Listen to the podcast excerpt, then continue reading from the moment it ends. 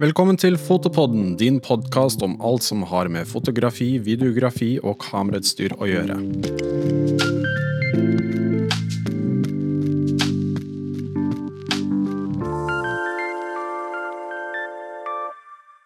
Det er en eh, litt spesiell tid for øyeblikket, for å si det mildt. Mange, eller de fleste, i kulturbransjen har mistet oppdrag, og tiden fremover er ganske usikker. Vi får eh, ny informasjon hele tiden om krisepakker, kompensasjon og tiden fremover, så vi anbefaler alle, frilansere, arbeidsgivere og arbeidstakere, å sjekke ut Skatteetaten, Nav og LO sine nettsider for oppdateringer. Vi anbefaler også å sjekke ut Frilanslivet sine episoder om dette temaet. Ikke bare om koronaviruset, men de har utrolig mange flotte episoder ellers også.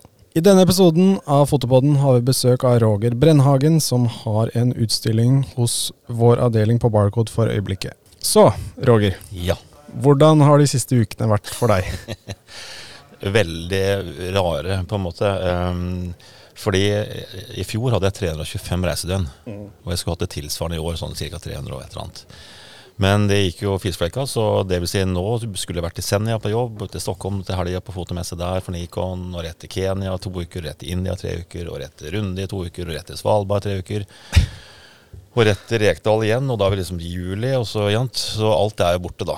Ja. Så jeg skal ikke snakke om tenke på penger, men jeg har tapt typ mye. 300 000 eller mer.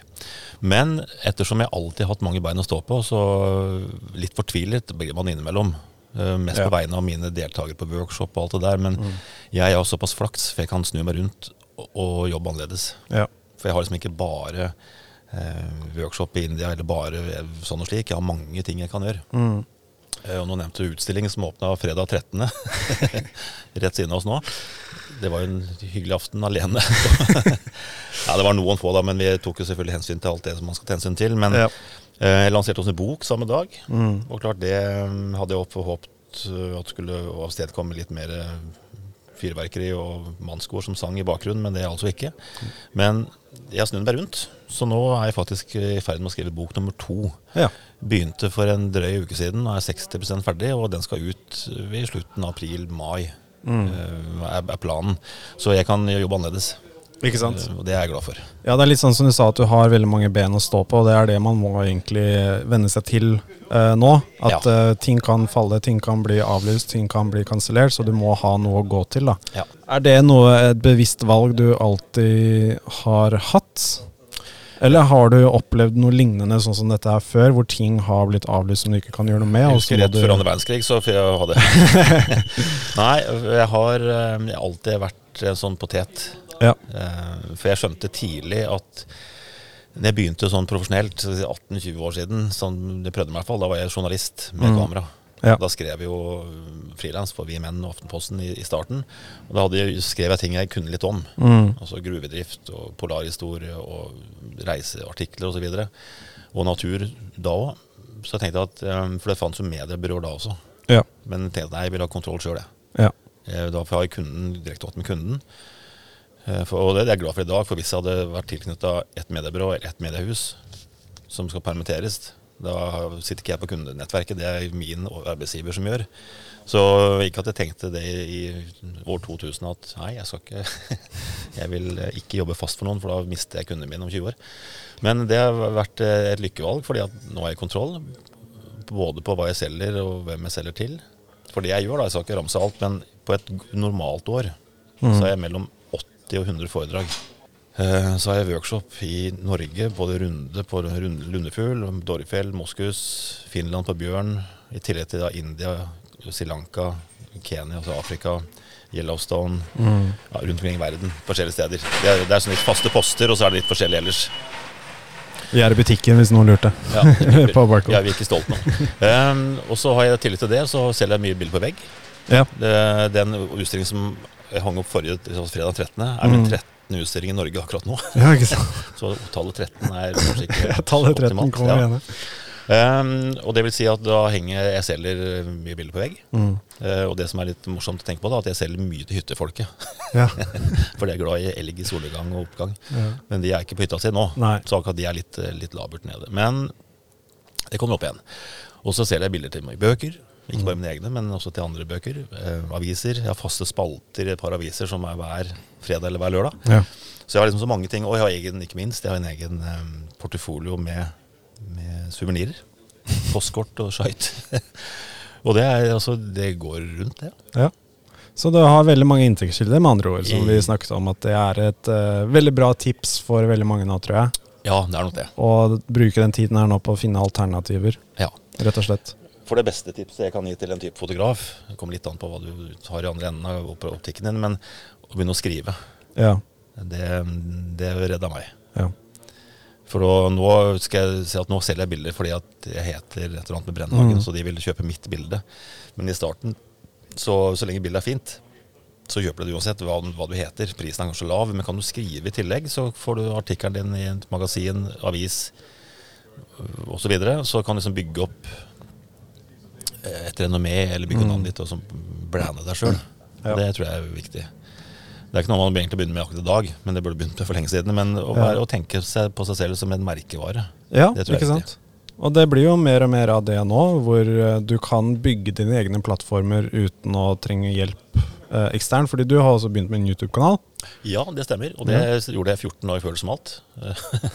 men jeg har tenkt på det i syv år, så det var ikke noe sånn jeg, nå skal jeg begynne med det. Men det modna seg. Og nå tenkte jeg at nå, ettersom jeg reiser såpass mye og må si nei til en del foredrag, så tenkte jeg at det er kjekt at jeg kan legge ut noe. Og For det er faktisk mulig å tjene penger på YouTube. Jeg gjør ikke det nå. Nei. Men inn i fremtiden så tenker jeg at da har jeg nok klikk eller abonnenter som gjør at mine sponsorer og samarbeidspartnere ser verdien av å betale meg for å snakke om produktet. Altså en influenser, som så pent heter. Yes. Eh, Blir men det er deg og Sofie Elise og hele gjengen? ja, da, da er det foundation og, og Sminketutorial. Ja. Da tror jeg heller skal begynne å Nei, jeg skal ikke si noe. Men, eh, men, det er der å, å Fordi det satt lenge inne for meg å tenke på meg selv i tredjeperson. At det er Ja. en merkevare. Men så lenge andre folk behandler meg som det, så må jeg ta til takke med det, da. Mm. Og det er egentlig en fin greie. Og klart hvis du ser på deg sjøl som en bedrift, Ja. da er vi inne på, på litt tenk der også. Fordi at vi er jo kunstnersjeler, de fleste av oss som er fotografer. Vi tar våre bilder og så blir vi lei oss hvis vi ikke får solgt eller ikke folk liker eller annet. Men Det er en del av prosessen. Å Ha litt sterk rygg og tenke at ok, hvem tar jeg bilder for? Jo, det er det sementet her. Og hva de som øh, mener at naturfotografer ikke er noe ordentlig foto, eller det er ikke kunstfoto, eller det er ikke sånn eller slik, dem om det. Eh, Så tenker jeg at eh, For jeg begynte med Facebook igjen, for når det begynte. Ti år siden, eller husker ikke helt. Ja, du var tidlig på, ja? Jeg var tidlig på. Men jeg tenkte, jeg har en kompis som alltid er tidlig på. Mm. Tidligere meg. Og han sa at dette må du begynne med Brennhagen. Nei, se faen, det har ikke jeg tid til. Det er sånn ungdomsgreie. Nei. Men så mm, hoppa jeg inn og så tenkte jeg at det er jo perfekt for en fotograf. Ja. Helt genialt. For da hadde jeg jo ja, La oss si en workshop på Dårefjell. Da har det plass til tolv stykker. Da måtte jeg bruke kanskje én eller to deltakeravgifter til å kjøpe en annonse i et fotomagasin, en avis. variant. Så skjønte jeg at Facebook er perfekt. Gratis. Så nå legger jeg ut på Facebook, og selvfølgelig på mine hjemmesider, men eh, det blir fort fullt. For jeg når ut til mange. Ikke sant? Og så er jeg veldig bevisst på åssen jeg bruker Facebook. Eh, Prøver å være profesjonell. Jeg legger ikke ut 'nå har jeg spist nam-nam', 'nå er det sånn og slik', og 'nå sa naboen det'. Ja, men det er markedsføringskanal. Det er Rett det og det er. slett. Ja, Veldig, og der legger jeg ut ett bilde om dagen, i hvert fall, Mm. med Exif-dataer og litt fun fact, og, og liksom selger inn opplevelsen som jeg hadde. Og det vet jeg mange setter pris på. Så jeg bruker det veldig, veldig bevisst. Mm. Både på Instagram, ikke minst, Facebook. Så selger jeg også selvfølgelig bilder av via Facebook. Men det som er litt sånn Jeg har to Facebooker. én En privat, som er 5000, og det er maks. Så en profesjonell, som er 13 14 15 et eller annet tusen. Men alle de der er jo fotografer. Ja. Så jeg merker at eh, det er ingen du vil ikke kjøpe bilde av meg fordi du tar dine egne. Ja. Så jeg selger flere bilder via Instagram. Ja, ja, For det er jo også 15 16 18 000 et eller annet. For klart, der er det sikkert også mange fotografer, men der er det også folk som bare er glad i bilder. Mm. Så, så det er sånn overlappende nettverk som jeg bruker. Og så har jeg lært meg litt i forhold til når skal man legge ut, hvilke tagger skal man bruke, når er folk mest på tid til å se Ja, alle på. greiene der. ja. Det er litt sånn. I det. Men, men eh, som jeg prøvde å si litt i sted, tenk på, på deg selv som en bedrift. Mm. Og da er vi også inne på hvordan du kan søke penger til bedriften din, hvordan du framstår som bedriften din. Ikke bare tenke at jeg heter Roger og jeg er her, Mm. og så får folk finne meg, de som liker meg. Og det jeg har gjort, som er kanskje smart, jeg har jo et eget AS. Ja. som jeg er ansatt i. Så jeg kan øh, i beste fall permittere meg, Ja. øh, sånn sett. Men det siste jeg så nå, som jeg søkte på i går, øh, Fritt Ord, Ja, de har lagt ut en pott nå på var det 20 millioner til sånne som oss. Til fotografer, til vi som holder på med journalistikk eller osv. Ok. Hva er, hva er kriteriene der? Eh, Du går på frittord.no. Det eh, De har jo søknadsfrister gjennom hele året, men nå har de lagt ut en sånn ekstra pott. Jeg mener det var på 20 mill., hvis ikke det var mer. Ja. Eh, Har du et prosjekt? Jeg skal ikke fortelle hva jeg har søkt på, for da vil alle søke på det samme. Men jeg har søkt på et prosjekt som eh, Jeg kan si egentlig hva det er, og det er ikke så hemmelig. Det er et prosjekt som heter Dyr uten oppholdstillatelse. Ja. Og det har jeg holdt på med i fire-fem år. Så jeg er egentlig snart ferdig med å ta bildene. Ja. Det kommer alltid nye arter som ikke er på eh, som ikke er velkomne. Og da snakker vi om moskusen står der, villsvin står der, kongekrabbe. Eh, masse arter som ikke er velkomne i Norge. Så ordspill litt på den uten oppholdstillatelse. Men det ligger jo litt i, i kjømmet i hva fritt ord står for. At det- skal være en menings... Altså det skal være en, et underliggende faktor her, kanskje. Så har du et prosjekt, noe du har lyst til å holde på med, som koster deg 20 30 40 000 å få dratt til ja, Nå får vi ikke dratt til så mange steder, men altså at du har lyst til å ta bilde av urban natur i Oslo eller vindkraftutbygging på Hovedøen, hvis det hadde vært det. Og gå litt i, i dybden. Ikke bare ta 15 bilder og søke på 40 000, men Ja. at du kan legge fram Det er ganske eh, dyptgående, det du skal legge fram. Prosjektbeskrivelse og budsjett og ja, nei, jeg har skrevet et par sånne før. Ja. Det, det krever en del arbeid å gjøre det. Ja, absolutt. Ja. Og det, jeg vet at eh, på min studietid, så da jeg studerte musikk da når jeg var i, i gamle dager, før andre verdenskrig. uh, og da kjøpte jeg fond- og legathåndboken. Ja, Ja. Eh, og der står det Der er det mye rart. og det, det er jo folk som har eh, det i testamentet sitt, Ja, blant ja. annet. At de er villige til å gi penger til veldig spesifikke prosjekter. Ja. Eh, gi sin arv til eh, sånne type ting. Dette var før internettet, altså nå er det sikkert enda mer på, på nettet. Men da kjøpte jeg boka og bladde fra A til Å. Eh, og det er sånn derre eh, Fridtjof og hertugines eh, Pesaro-fond fra et eller annet Ja. til nytte for kunst og hva faen. Uh, og noen av de så skjønte ikke helt kan jeg søke på det. Og så ringte jeg til de som var oppnevnt som verge da, for dette fondet, eller legatet. Og et av dem som jeg faktisk fikk, uh, det var en advokat som tok telefonen, så spør jeg du, er det noe vits å søke på dette her da. Og så sier han ja, det kan jeg ikke uttale meg om, du må bare sende en søknad, sånn og sånn. Men jeg kan si det såpass, det er ingen som har søkt på de siste fem årene, så sjansen er stor hvis du først søker. Ja, Og da fikk jeg det jo. Er, Ja. men, det er kanskje småbeløp, 10 000 her, 15 000 der. Men det året jeg gikk på, var siste året når jeg studerte musikk, så fikk jeg vel jeg tror over 100 000 ja, Ja, i fond og legat som, ja, som ikke visste fantes før jeg kjøpte boka. ikke sant. Og det fins mange sånne steder man kan flekke opp, og det har man tid til nå. Det har man tid til. nå. Ja. Absolutt. Og også, nå er det jo mer crowdfunding som er eh, den type greie, da. Ja. Hvor folk uh, kan eh, bidra, egentlig hva de vil, Mm. til uh, prosjektet som du ønsker å starte opp. Det har ikke jeg prøvd, men jeg vet det fins. Det er, Det er veldig det er veldig mye av det, så det er veldig vanskelig. Det er, jeg kjenner et par venner som har gjort det, og har lykkes med det. Mm. Det de har lykkes med, var at de hadde en følgebase fra før av Mm. på sosiale medieplattformer. De hadde et prosjekt som var i gang. Det var ikke at de bare hadde en idé og så ønsket penger til å gruble på ideen videre. Mm. Ideen var utviklet, de hadde begynt å filme.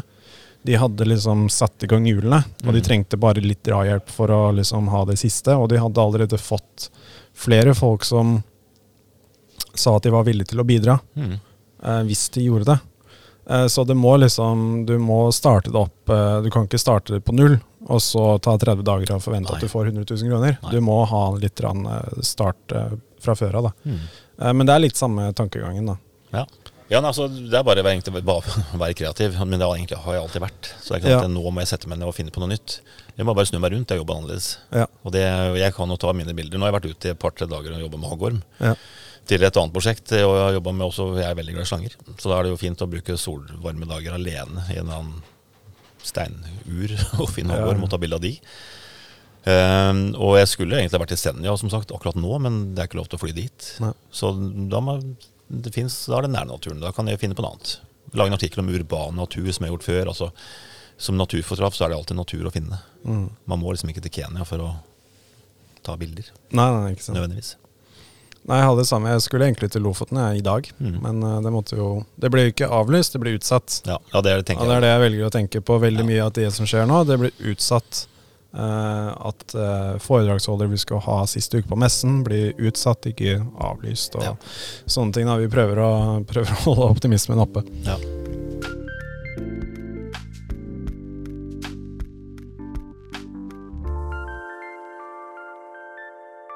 Vi har etablert nå at du har eh, veldig mange bein å stå på, og Mhm. veldig mange forskjellige inntektskilder. Og vi har kommet Mhm. litt tips med det. Du har jo, Et av beina du har, det er jo Nikon-ambassadør. Ja. Eh, hvordan ble du det? Fortell den historien. Hvordan, eh, og tips til eh, noen andre som ønsker å bli en ambassadør. Hva betyr det, da? Ehm, For min del så har det betydd veldig mye. Nå var jeg 13. året at jeg er ambassadør. Og hvis man skrur tilbake tida av si 14 år, da, eller noe sånt, så fikk jeg en telefon fra Nikon. Da var det D2X-en tror jeg som var toppmaskina. Ja. Da hadde jeg akkurat kjøpt meg en 9, og det jeg brukte Canon før det. 5D-en kom vel akkurat i forkant. Eh, Så fikk jeg låne en bag med Nikon-styr en måneds tid på sommeren, og så tenkte jeg at det var til å prøve, for jeg var nerd. Men jeg hadde jo kjøpt en helt nytt Canon, så det var nei takk Mm. til å kjøpe det. Så går det et halvår eller et år, så ringer det igjen. Litt sånn via noen utstillinger jeg hadde osv. Og, så videre, og vil ha meg på et møte. På det kontoret så lå det et langbord med to D3-er som var helt nye. Fire meter og alt nedover. Altså gullrekka og alt det man skal ha. Og så ser jeg til dem, og dette er sitat, dette har ikke jeg råd til å kjøpe. Altså hallo. Og da sa de det skal du drite i, hold kjeft, det er vi som holder med deg. Jeg skjønte ikke at de ville ha meg som ambassadør. det var sånn, oi. Så sier de ok, du prøv det her en uke eller to, og hvis du er happy med det, så vil vi gjerne ha ambassadør, da. Og jeg kødder ikke, de, og jeg sa selvfølgelig ja. Ja. Det var jo fantastisk bra, så ISO-verdiene, alt var fint. Men de første, eller de neste to-tre månedene så forventa jeg å få en telefon som var sånn Hei, du, det er Nikon her, du. Eh, vi tok feil Brennhagen. Det var den andre vi skulle ha. Det var ikke Så jeg var veldig tenkt på hva, hva skjer nå? Eh, så jeg var veldig ydmyk og takknemlig for det. Og klart, men etter hvert, da når jeg ser egentlig hva jeg har gjort for dem, eller hva vi gjør sammen eh, Jeg er veldig synlig. Mm. Eh, jeg har mye workshop, mye foredrag, som akkurat har fortalt. Og klart, jeg har med meg Nikon på alt jeg gjør. Ja. Som- en god ambassadør jeg skal være. Jeg pusher ikke salg, for det gjør jeg hos dere og mange andre steder. Men jeg er veldig obs obs på det også. Eh, Og de har hjulpet meg mye, ja, for de har utstyr for flere hundre kroner. Minst. Minst flere hundre kroner. Eh, og jeg får jo opp, opp, oppbacking, og de bruker bilder mine worldwide, og reklameting her og ting der, så det bygger også opp merkevaren min. Så det har jeg vært evig takknemlig for det. Eh, men ingenting vokser evig. Så det er ikke sikkert at man skal være det i evig tid. Nei. Og de sa det når jeg begynte, at de hadde rotasjon på ett til to år per ambassadør. Og tenkte at den tid, en sorg. Mm. Nå er det da bikka tolv år her i februar, tror jeg det var. Så får vi se hvor lenge det var. Men det betyr vel Det er vel kanskje litt av egen innsats fra din side, tipper jeg, at du er veldig aktiv. Ja, jeg skal ikke kommentere så, kommentere så veldig på det, men klart vi var vel en åtte, seks, syv, åtte, ti, tror jeg, i starten. Mm. Og så går jo fotobransjen nedover, så det ble liksom fem-seks, og så fire-fem. Og hver gang sier jeg at nå ryker jeg. For det har vært veldig mange dyktige fotografer som har vært av norsk, eller nordisk ambassadør her oppe. Men nå, siste runden, som et par år siden, så, så ble jeg igjen nok Ja. med på, på løpet. Så det er Fredrik Geithus og jeg i Norge, eller er da jeg Nor- Nordic-ambassadør, dvs. Si baltiske stater, Finland, Norge, altså her oppe i, i nord. Um, men det er jo en sånn Man vet jo at bransjen går nedover. Så hvor lenge man er varer Jeg er ikke avhengig av det lenger nå, men det er veldig hyggelig å være en del av, av teamet deres. Ja, ja, Absolutt. absolutt.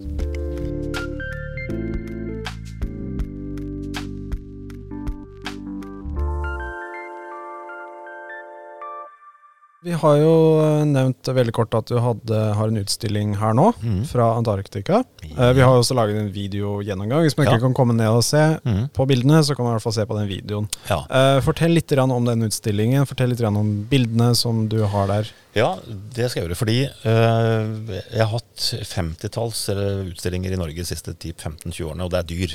Ja. Elg og furuer, og det er som natur. Dyr. I all hovedsak. Eh, for halvannet år siden så fikk jeg en, en telefon fra et galleri på Lillestrøm, Studio Oscar, som gjerne ville ha meg på besøk.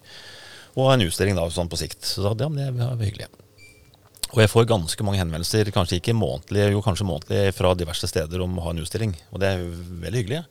Men det, det, tar, det, det koster. Ja. Det er dyrt. Produksjon, du skal sette av tid til vernissasje og foredrag kanskje, og det tar tid. Så jeg sier nei til, en, til noe, ja. Men dette var ålreit. Og så spurte jeg meg hva jeg ville ha, hvilket tematikk. Nei, hva, har du noen forslag? Så sier jeg jo, jeg drar til Antarktis om en par-tre måneder. Kanskje for å utfordre meg sjøl. Landskap, is, formasjoner i Antarktis, tenkte jeg. Vi har vært der før, så jeg tenkte at det kan være en fin greie. Ikke bare som fordi, ja, Men nok en gang, kort historie, de sa ja, det gjør vi. Så jeg dro dit eh, som en del av ekspedisjonsteamet til Hurtigruta. Og da skal jeg ta bilder for de. Både dokumentariske til forskere og holde foredrag for dem om bord. Og så skal jeg ta mine egne bilder. Dvs. Si leopardseer som spiser eh, pingviner og blod og spruter, og så mine typer bilder. Ja. og da landskapsbildene til utstillingen. Ja. Og tre ting på en gang. Det var sånn For når jeg så at her var det fint lys på et isfjell, og så gjør det plaske bak meg, og så kommer det en vågehval, tenkte jeg at faen, nå må jeg. Det var sånn Nei, men faen, det var, hva skal jeg gjøre nå, da? Men jeg fikk det til. Og kom, til, kom hjem igjen etter noen uker og gikk gjennom bildene mine og så at det var en, del der, men jeg var ikke helt sikker. Jeg var, jeg var litt på, på ukjent mark, bokstavelig talt. Og så plukka jeg ut eh, Jeg hadde vel en, jeg begynte med et par hundre av disse landskapsbildene mine og skulle ned på ca. 20. Og det er ikke så lett. Kom ned til 60, kom ned til 40 og tenkte nei, dette, å, nå var det usikkert her. Og tok med de 40 til jentene på Studio Oscar, som er veldig dyktige fotografer sjøl. Og de satte seg ned og plukka inn de jeg tok ut i første semifinale. Tok det inn igjen. Ja. Så, og jeg tenkte at ja, men faen, det, så hovedbildet er det, det røyk ut på min første semifinale hos meg selv. Hos deg selv, Ja, ja. Så det var, for meg så var den prosessen der Vi tror vi brukte en hel mandag. En si seks-åtte timer i, i studioet deres.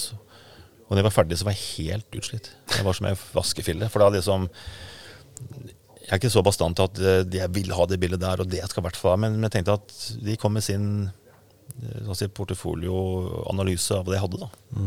Og når jeg ser resultatet av de 20 bildene, så er jeg kjempehappy. Ja. Men jeg var ekstremt usikker i forkant, for det var, liksom, så det var ikke typisk meg. Men det er også et prosjekt da, som, som jeg var bevisst på at jeg ville ha en sånn fine art-utstilling. Ikke med dyr, solnedgang, øh, slanger og pokker. Mm, mm. Fine, søte rever. Men øh, fine art gjort liksom på, på litt annen greie. Eh, og det avstedkommer også en dyrere pris. Som også, fordi nå kan jeg begynne å ta litt for bildene mine. Jeg har gjort det før, men jeg er litt forsiktig med å bli for dyr. Så det er også et, et grep jeg har tatt for å, nettopp for å tilnærme den type kunder som ikke vil ha en fjellrev på veggen. Eller moskus, eller, eller, eller det jeg normalt sett har. Og det merkes jo, og det er hyggelig. Så det kommer flere sånne fine art-prosjekt framover. ja. Du ble inspirert til å gjøre det mer? Absolutt, absolutt.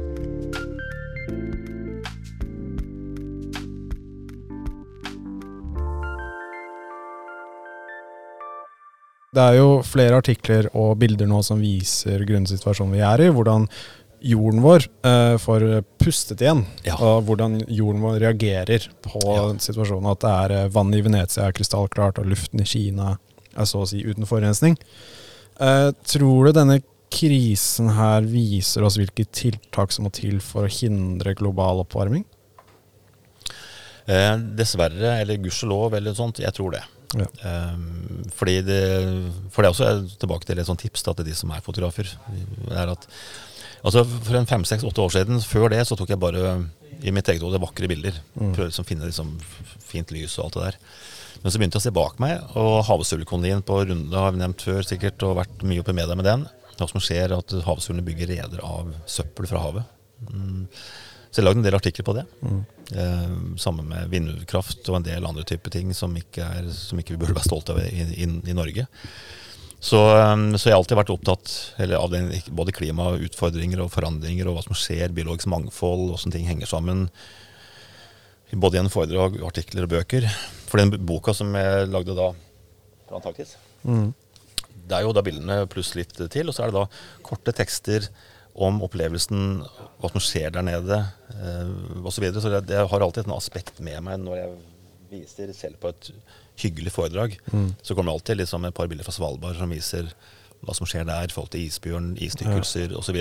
Ikke med pekefinger, men mer sånn så får folk til å tenke sjøl. Og jeg tror at dessverre at den uh, koronaen uh, får folk til å bli fortvilt, redd, og, og kanskje få håp. Som du sier, jeg har vært i Beijing, Ja. og det var ikke noe hyggelig.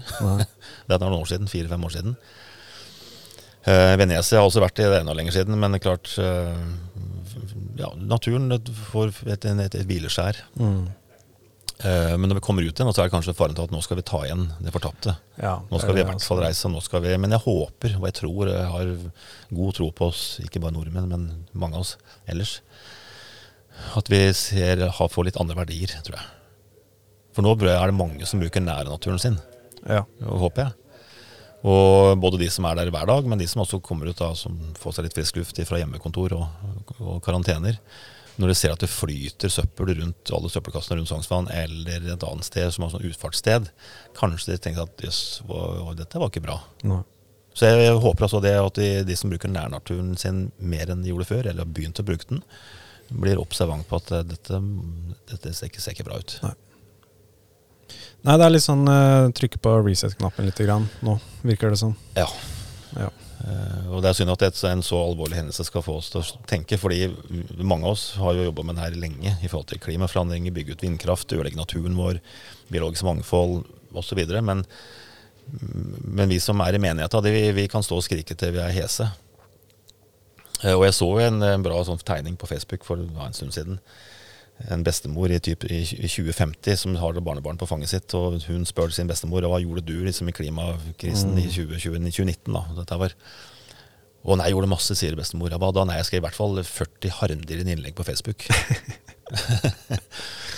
Så det funker sikkert å være der også, men å komme seg ut Og det jeg prøver på, som er vanskelig, men det er ikke verre enn at det går, det er å skrive mine artikler og ikke ha de i Menighetsbladet, dvs. Si Natur og Foto eller i eh, et naturfotografmagasin, men å få det inn i Aftenposten, så de som bor innafor Ring 3, leser det. Ja. For vi som er glad i naturen, vi skjønner jo, ser jo sammenhengen, men de som ikke har tatt et standpunkt For alt som er med norsk eh, miljøvern, klima sånn og slik, det er jo politiske vedtak. Og det er vi som velger politikerne. Ja. Så hvis vi ikke tenker på Altså, når det er valg igjen til høsten, er det ikke det? Ja, Jeg tror det er neste ja, det år. Ja, det er neste år.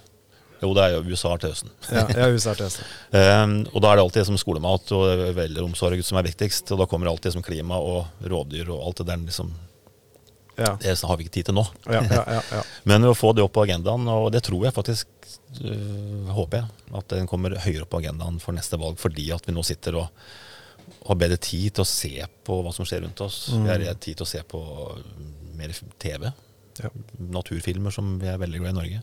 Lese mer bøker, lese mer magasiner. Ikke bare sminketips, men også kanskje lese om litt eh, gode artikler om vindkraft og grønn energi og grønne skift og naturen rundt oss. Så jeg, så jeg tror min jobb, da, den tror jeg aldri kommer til å gå av moten. Nei. Håper jeg. Uansett.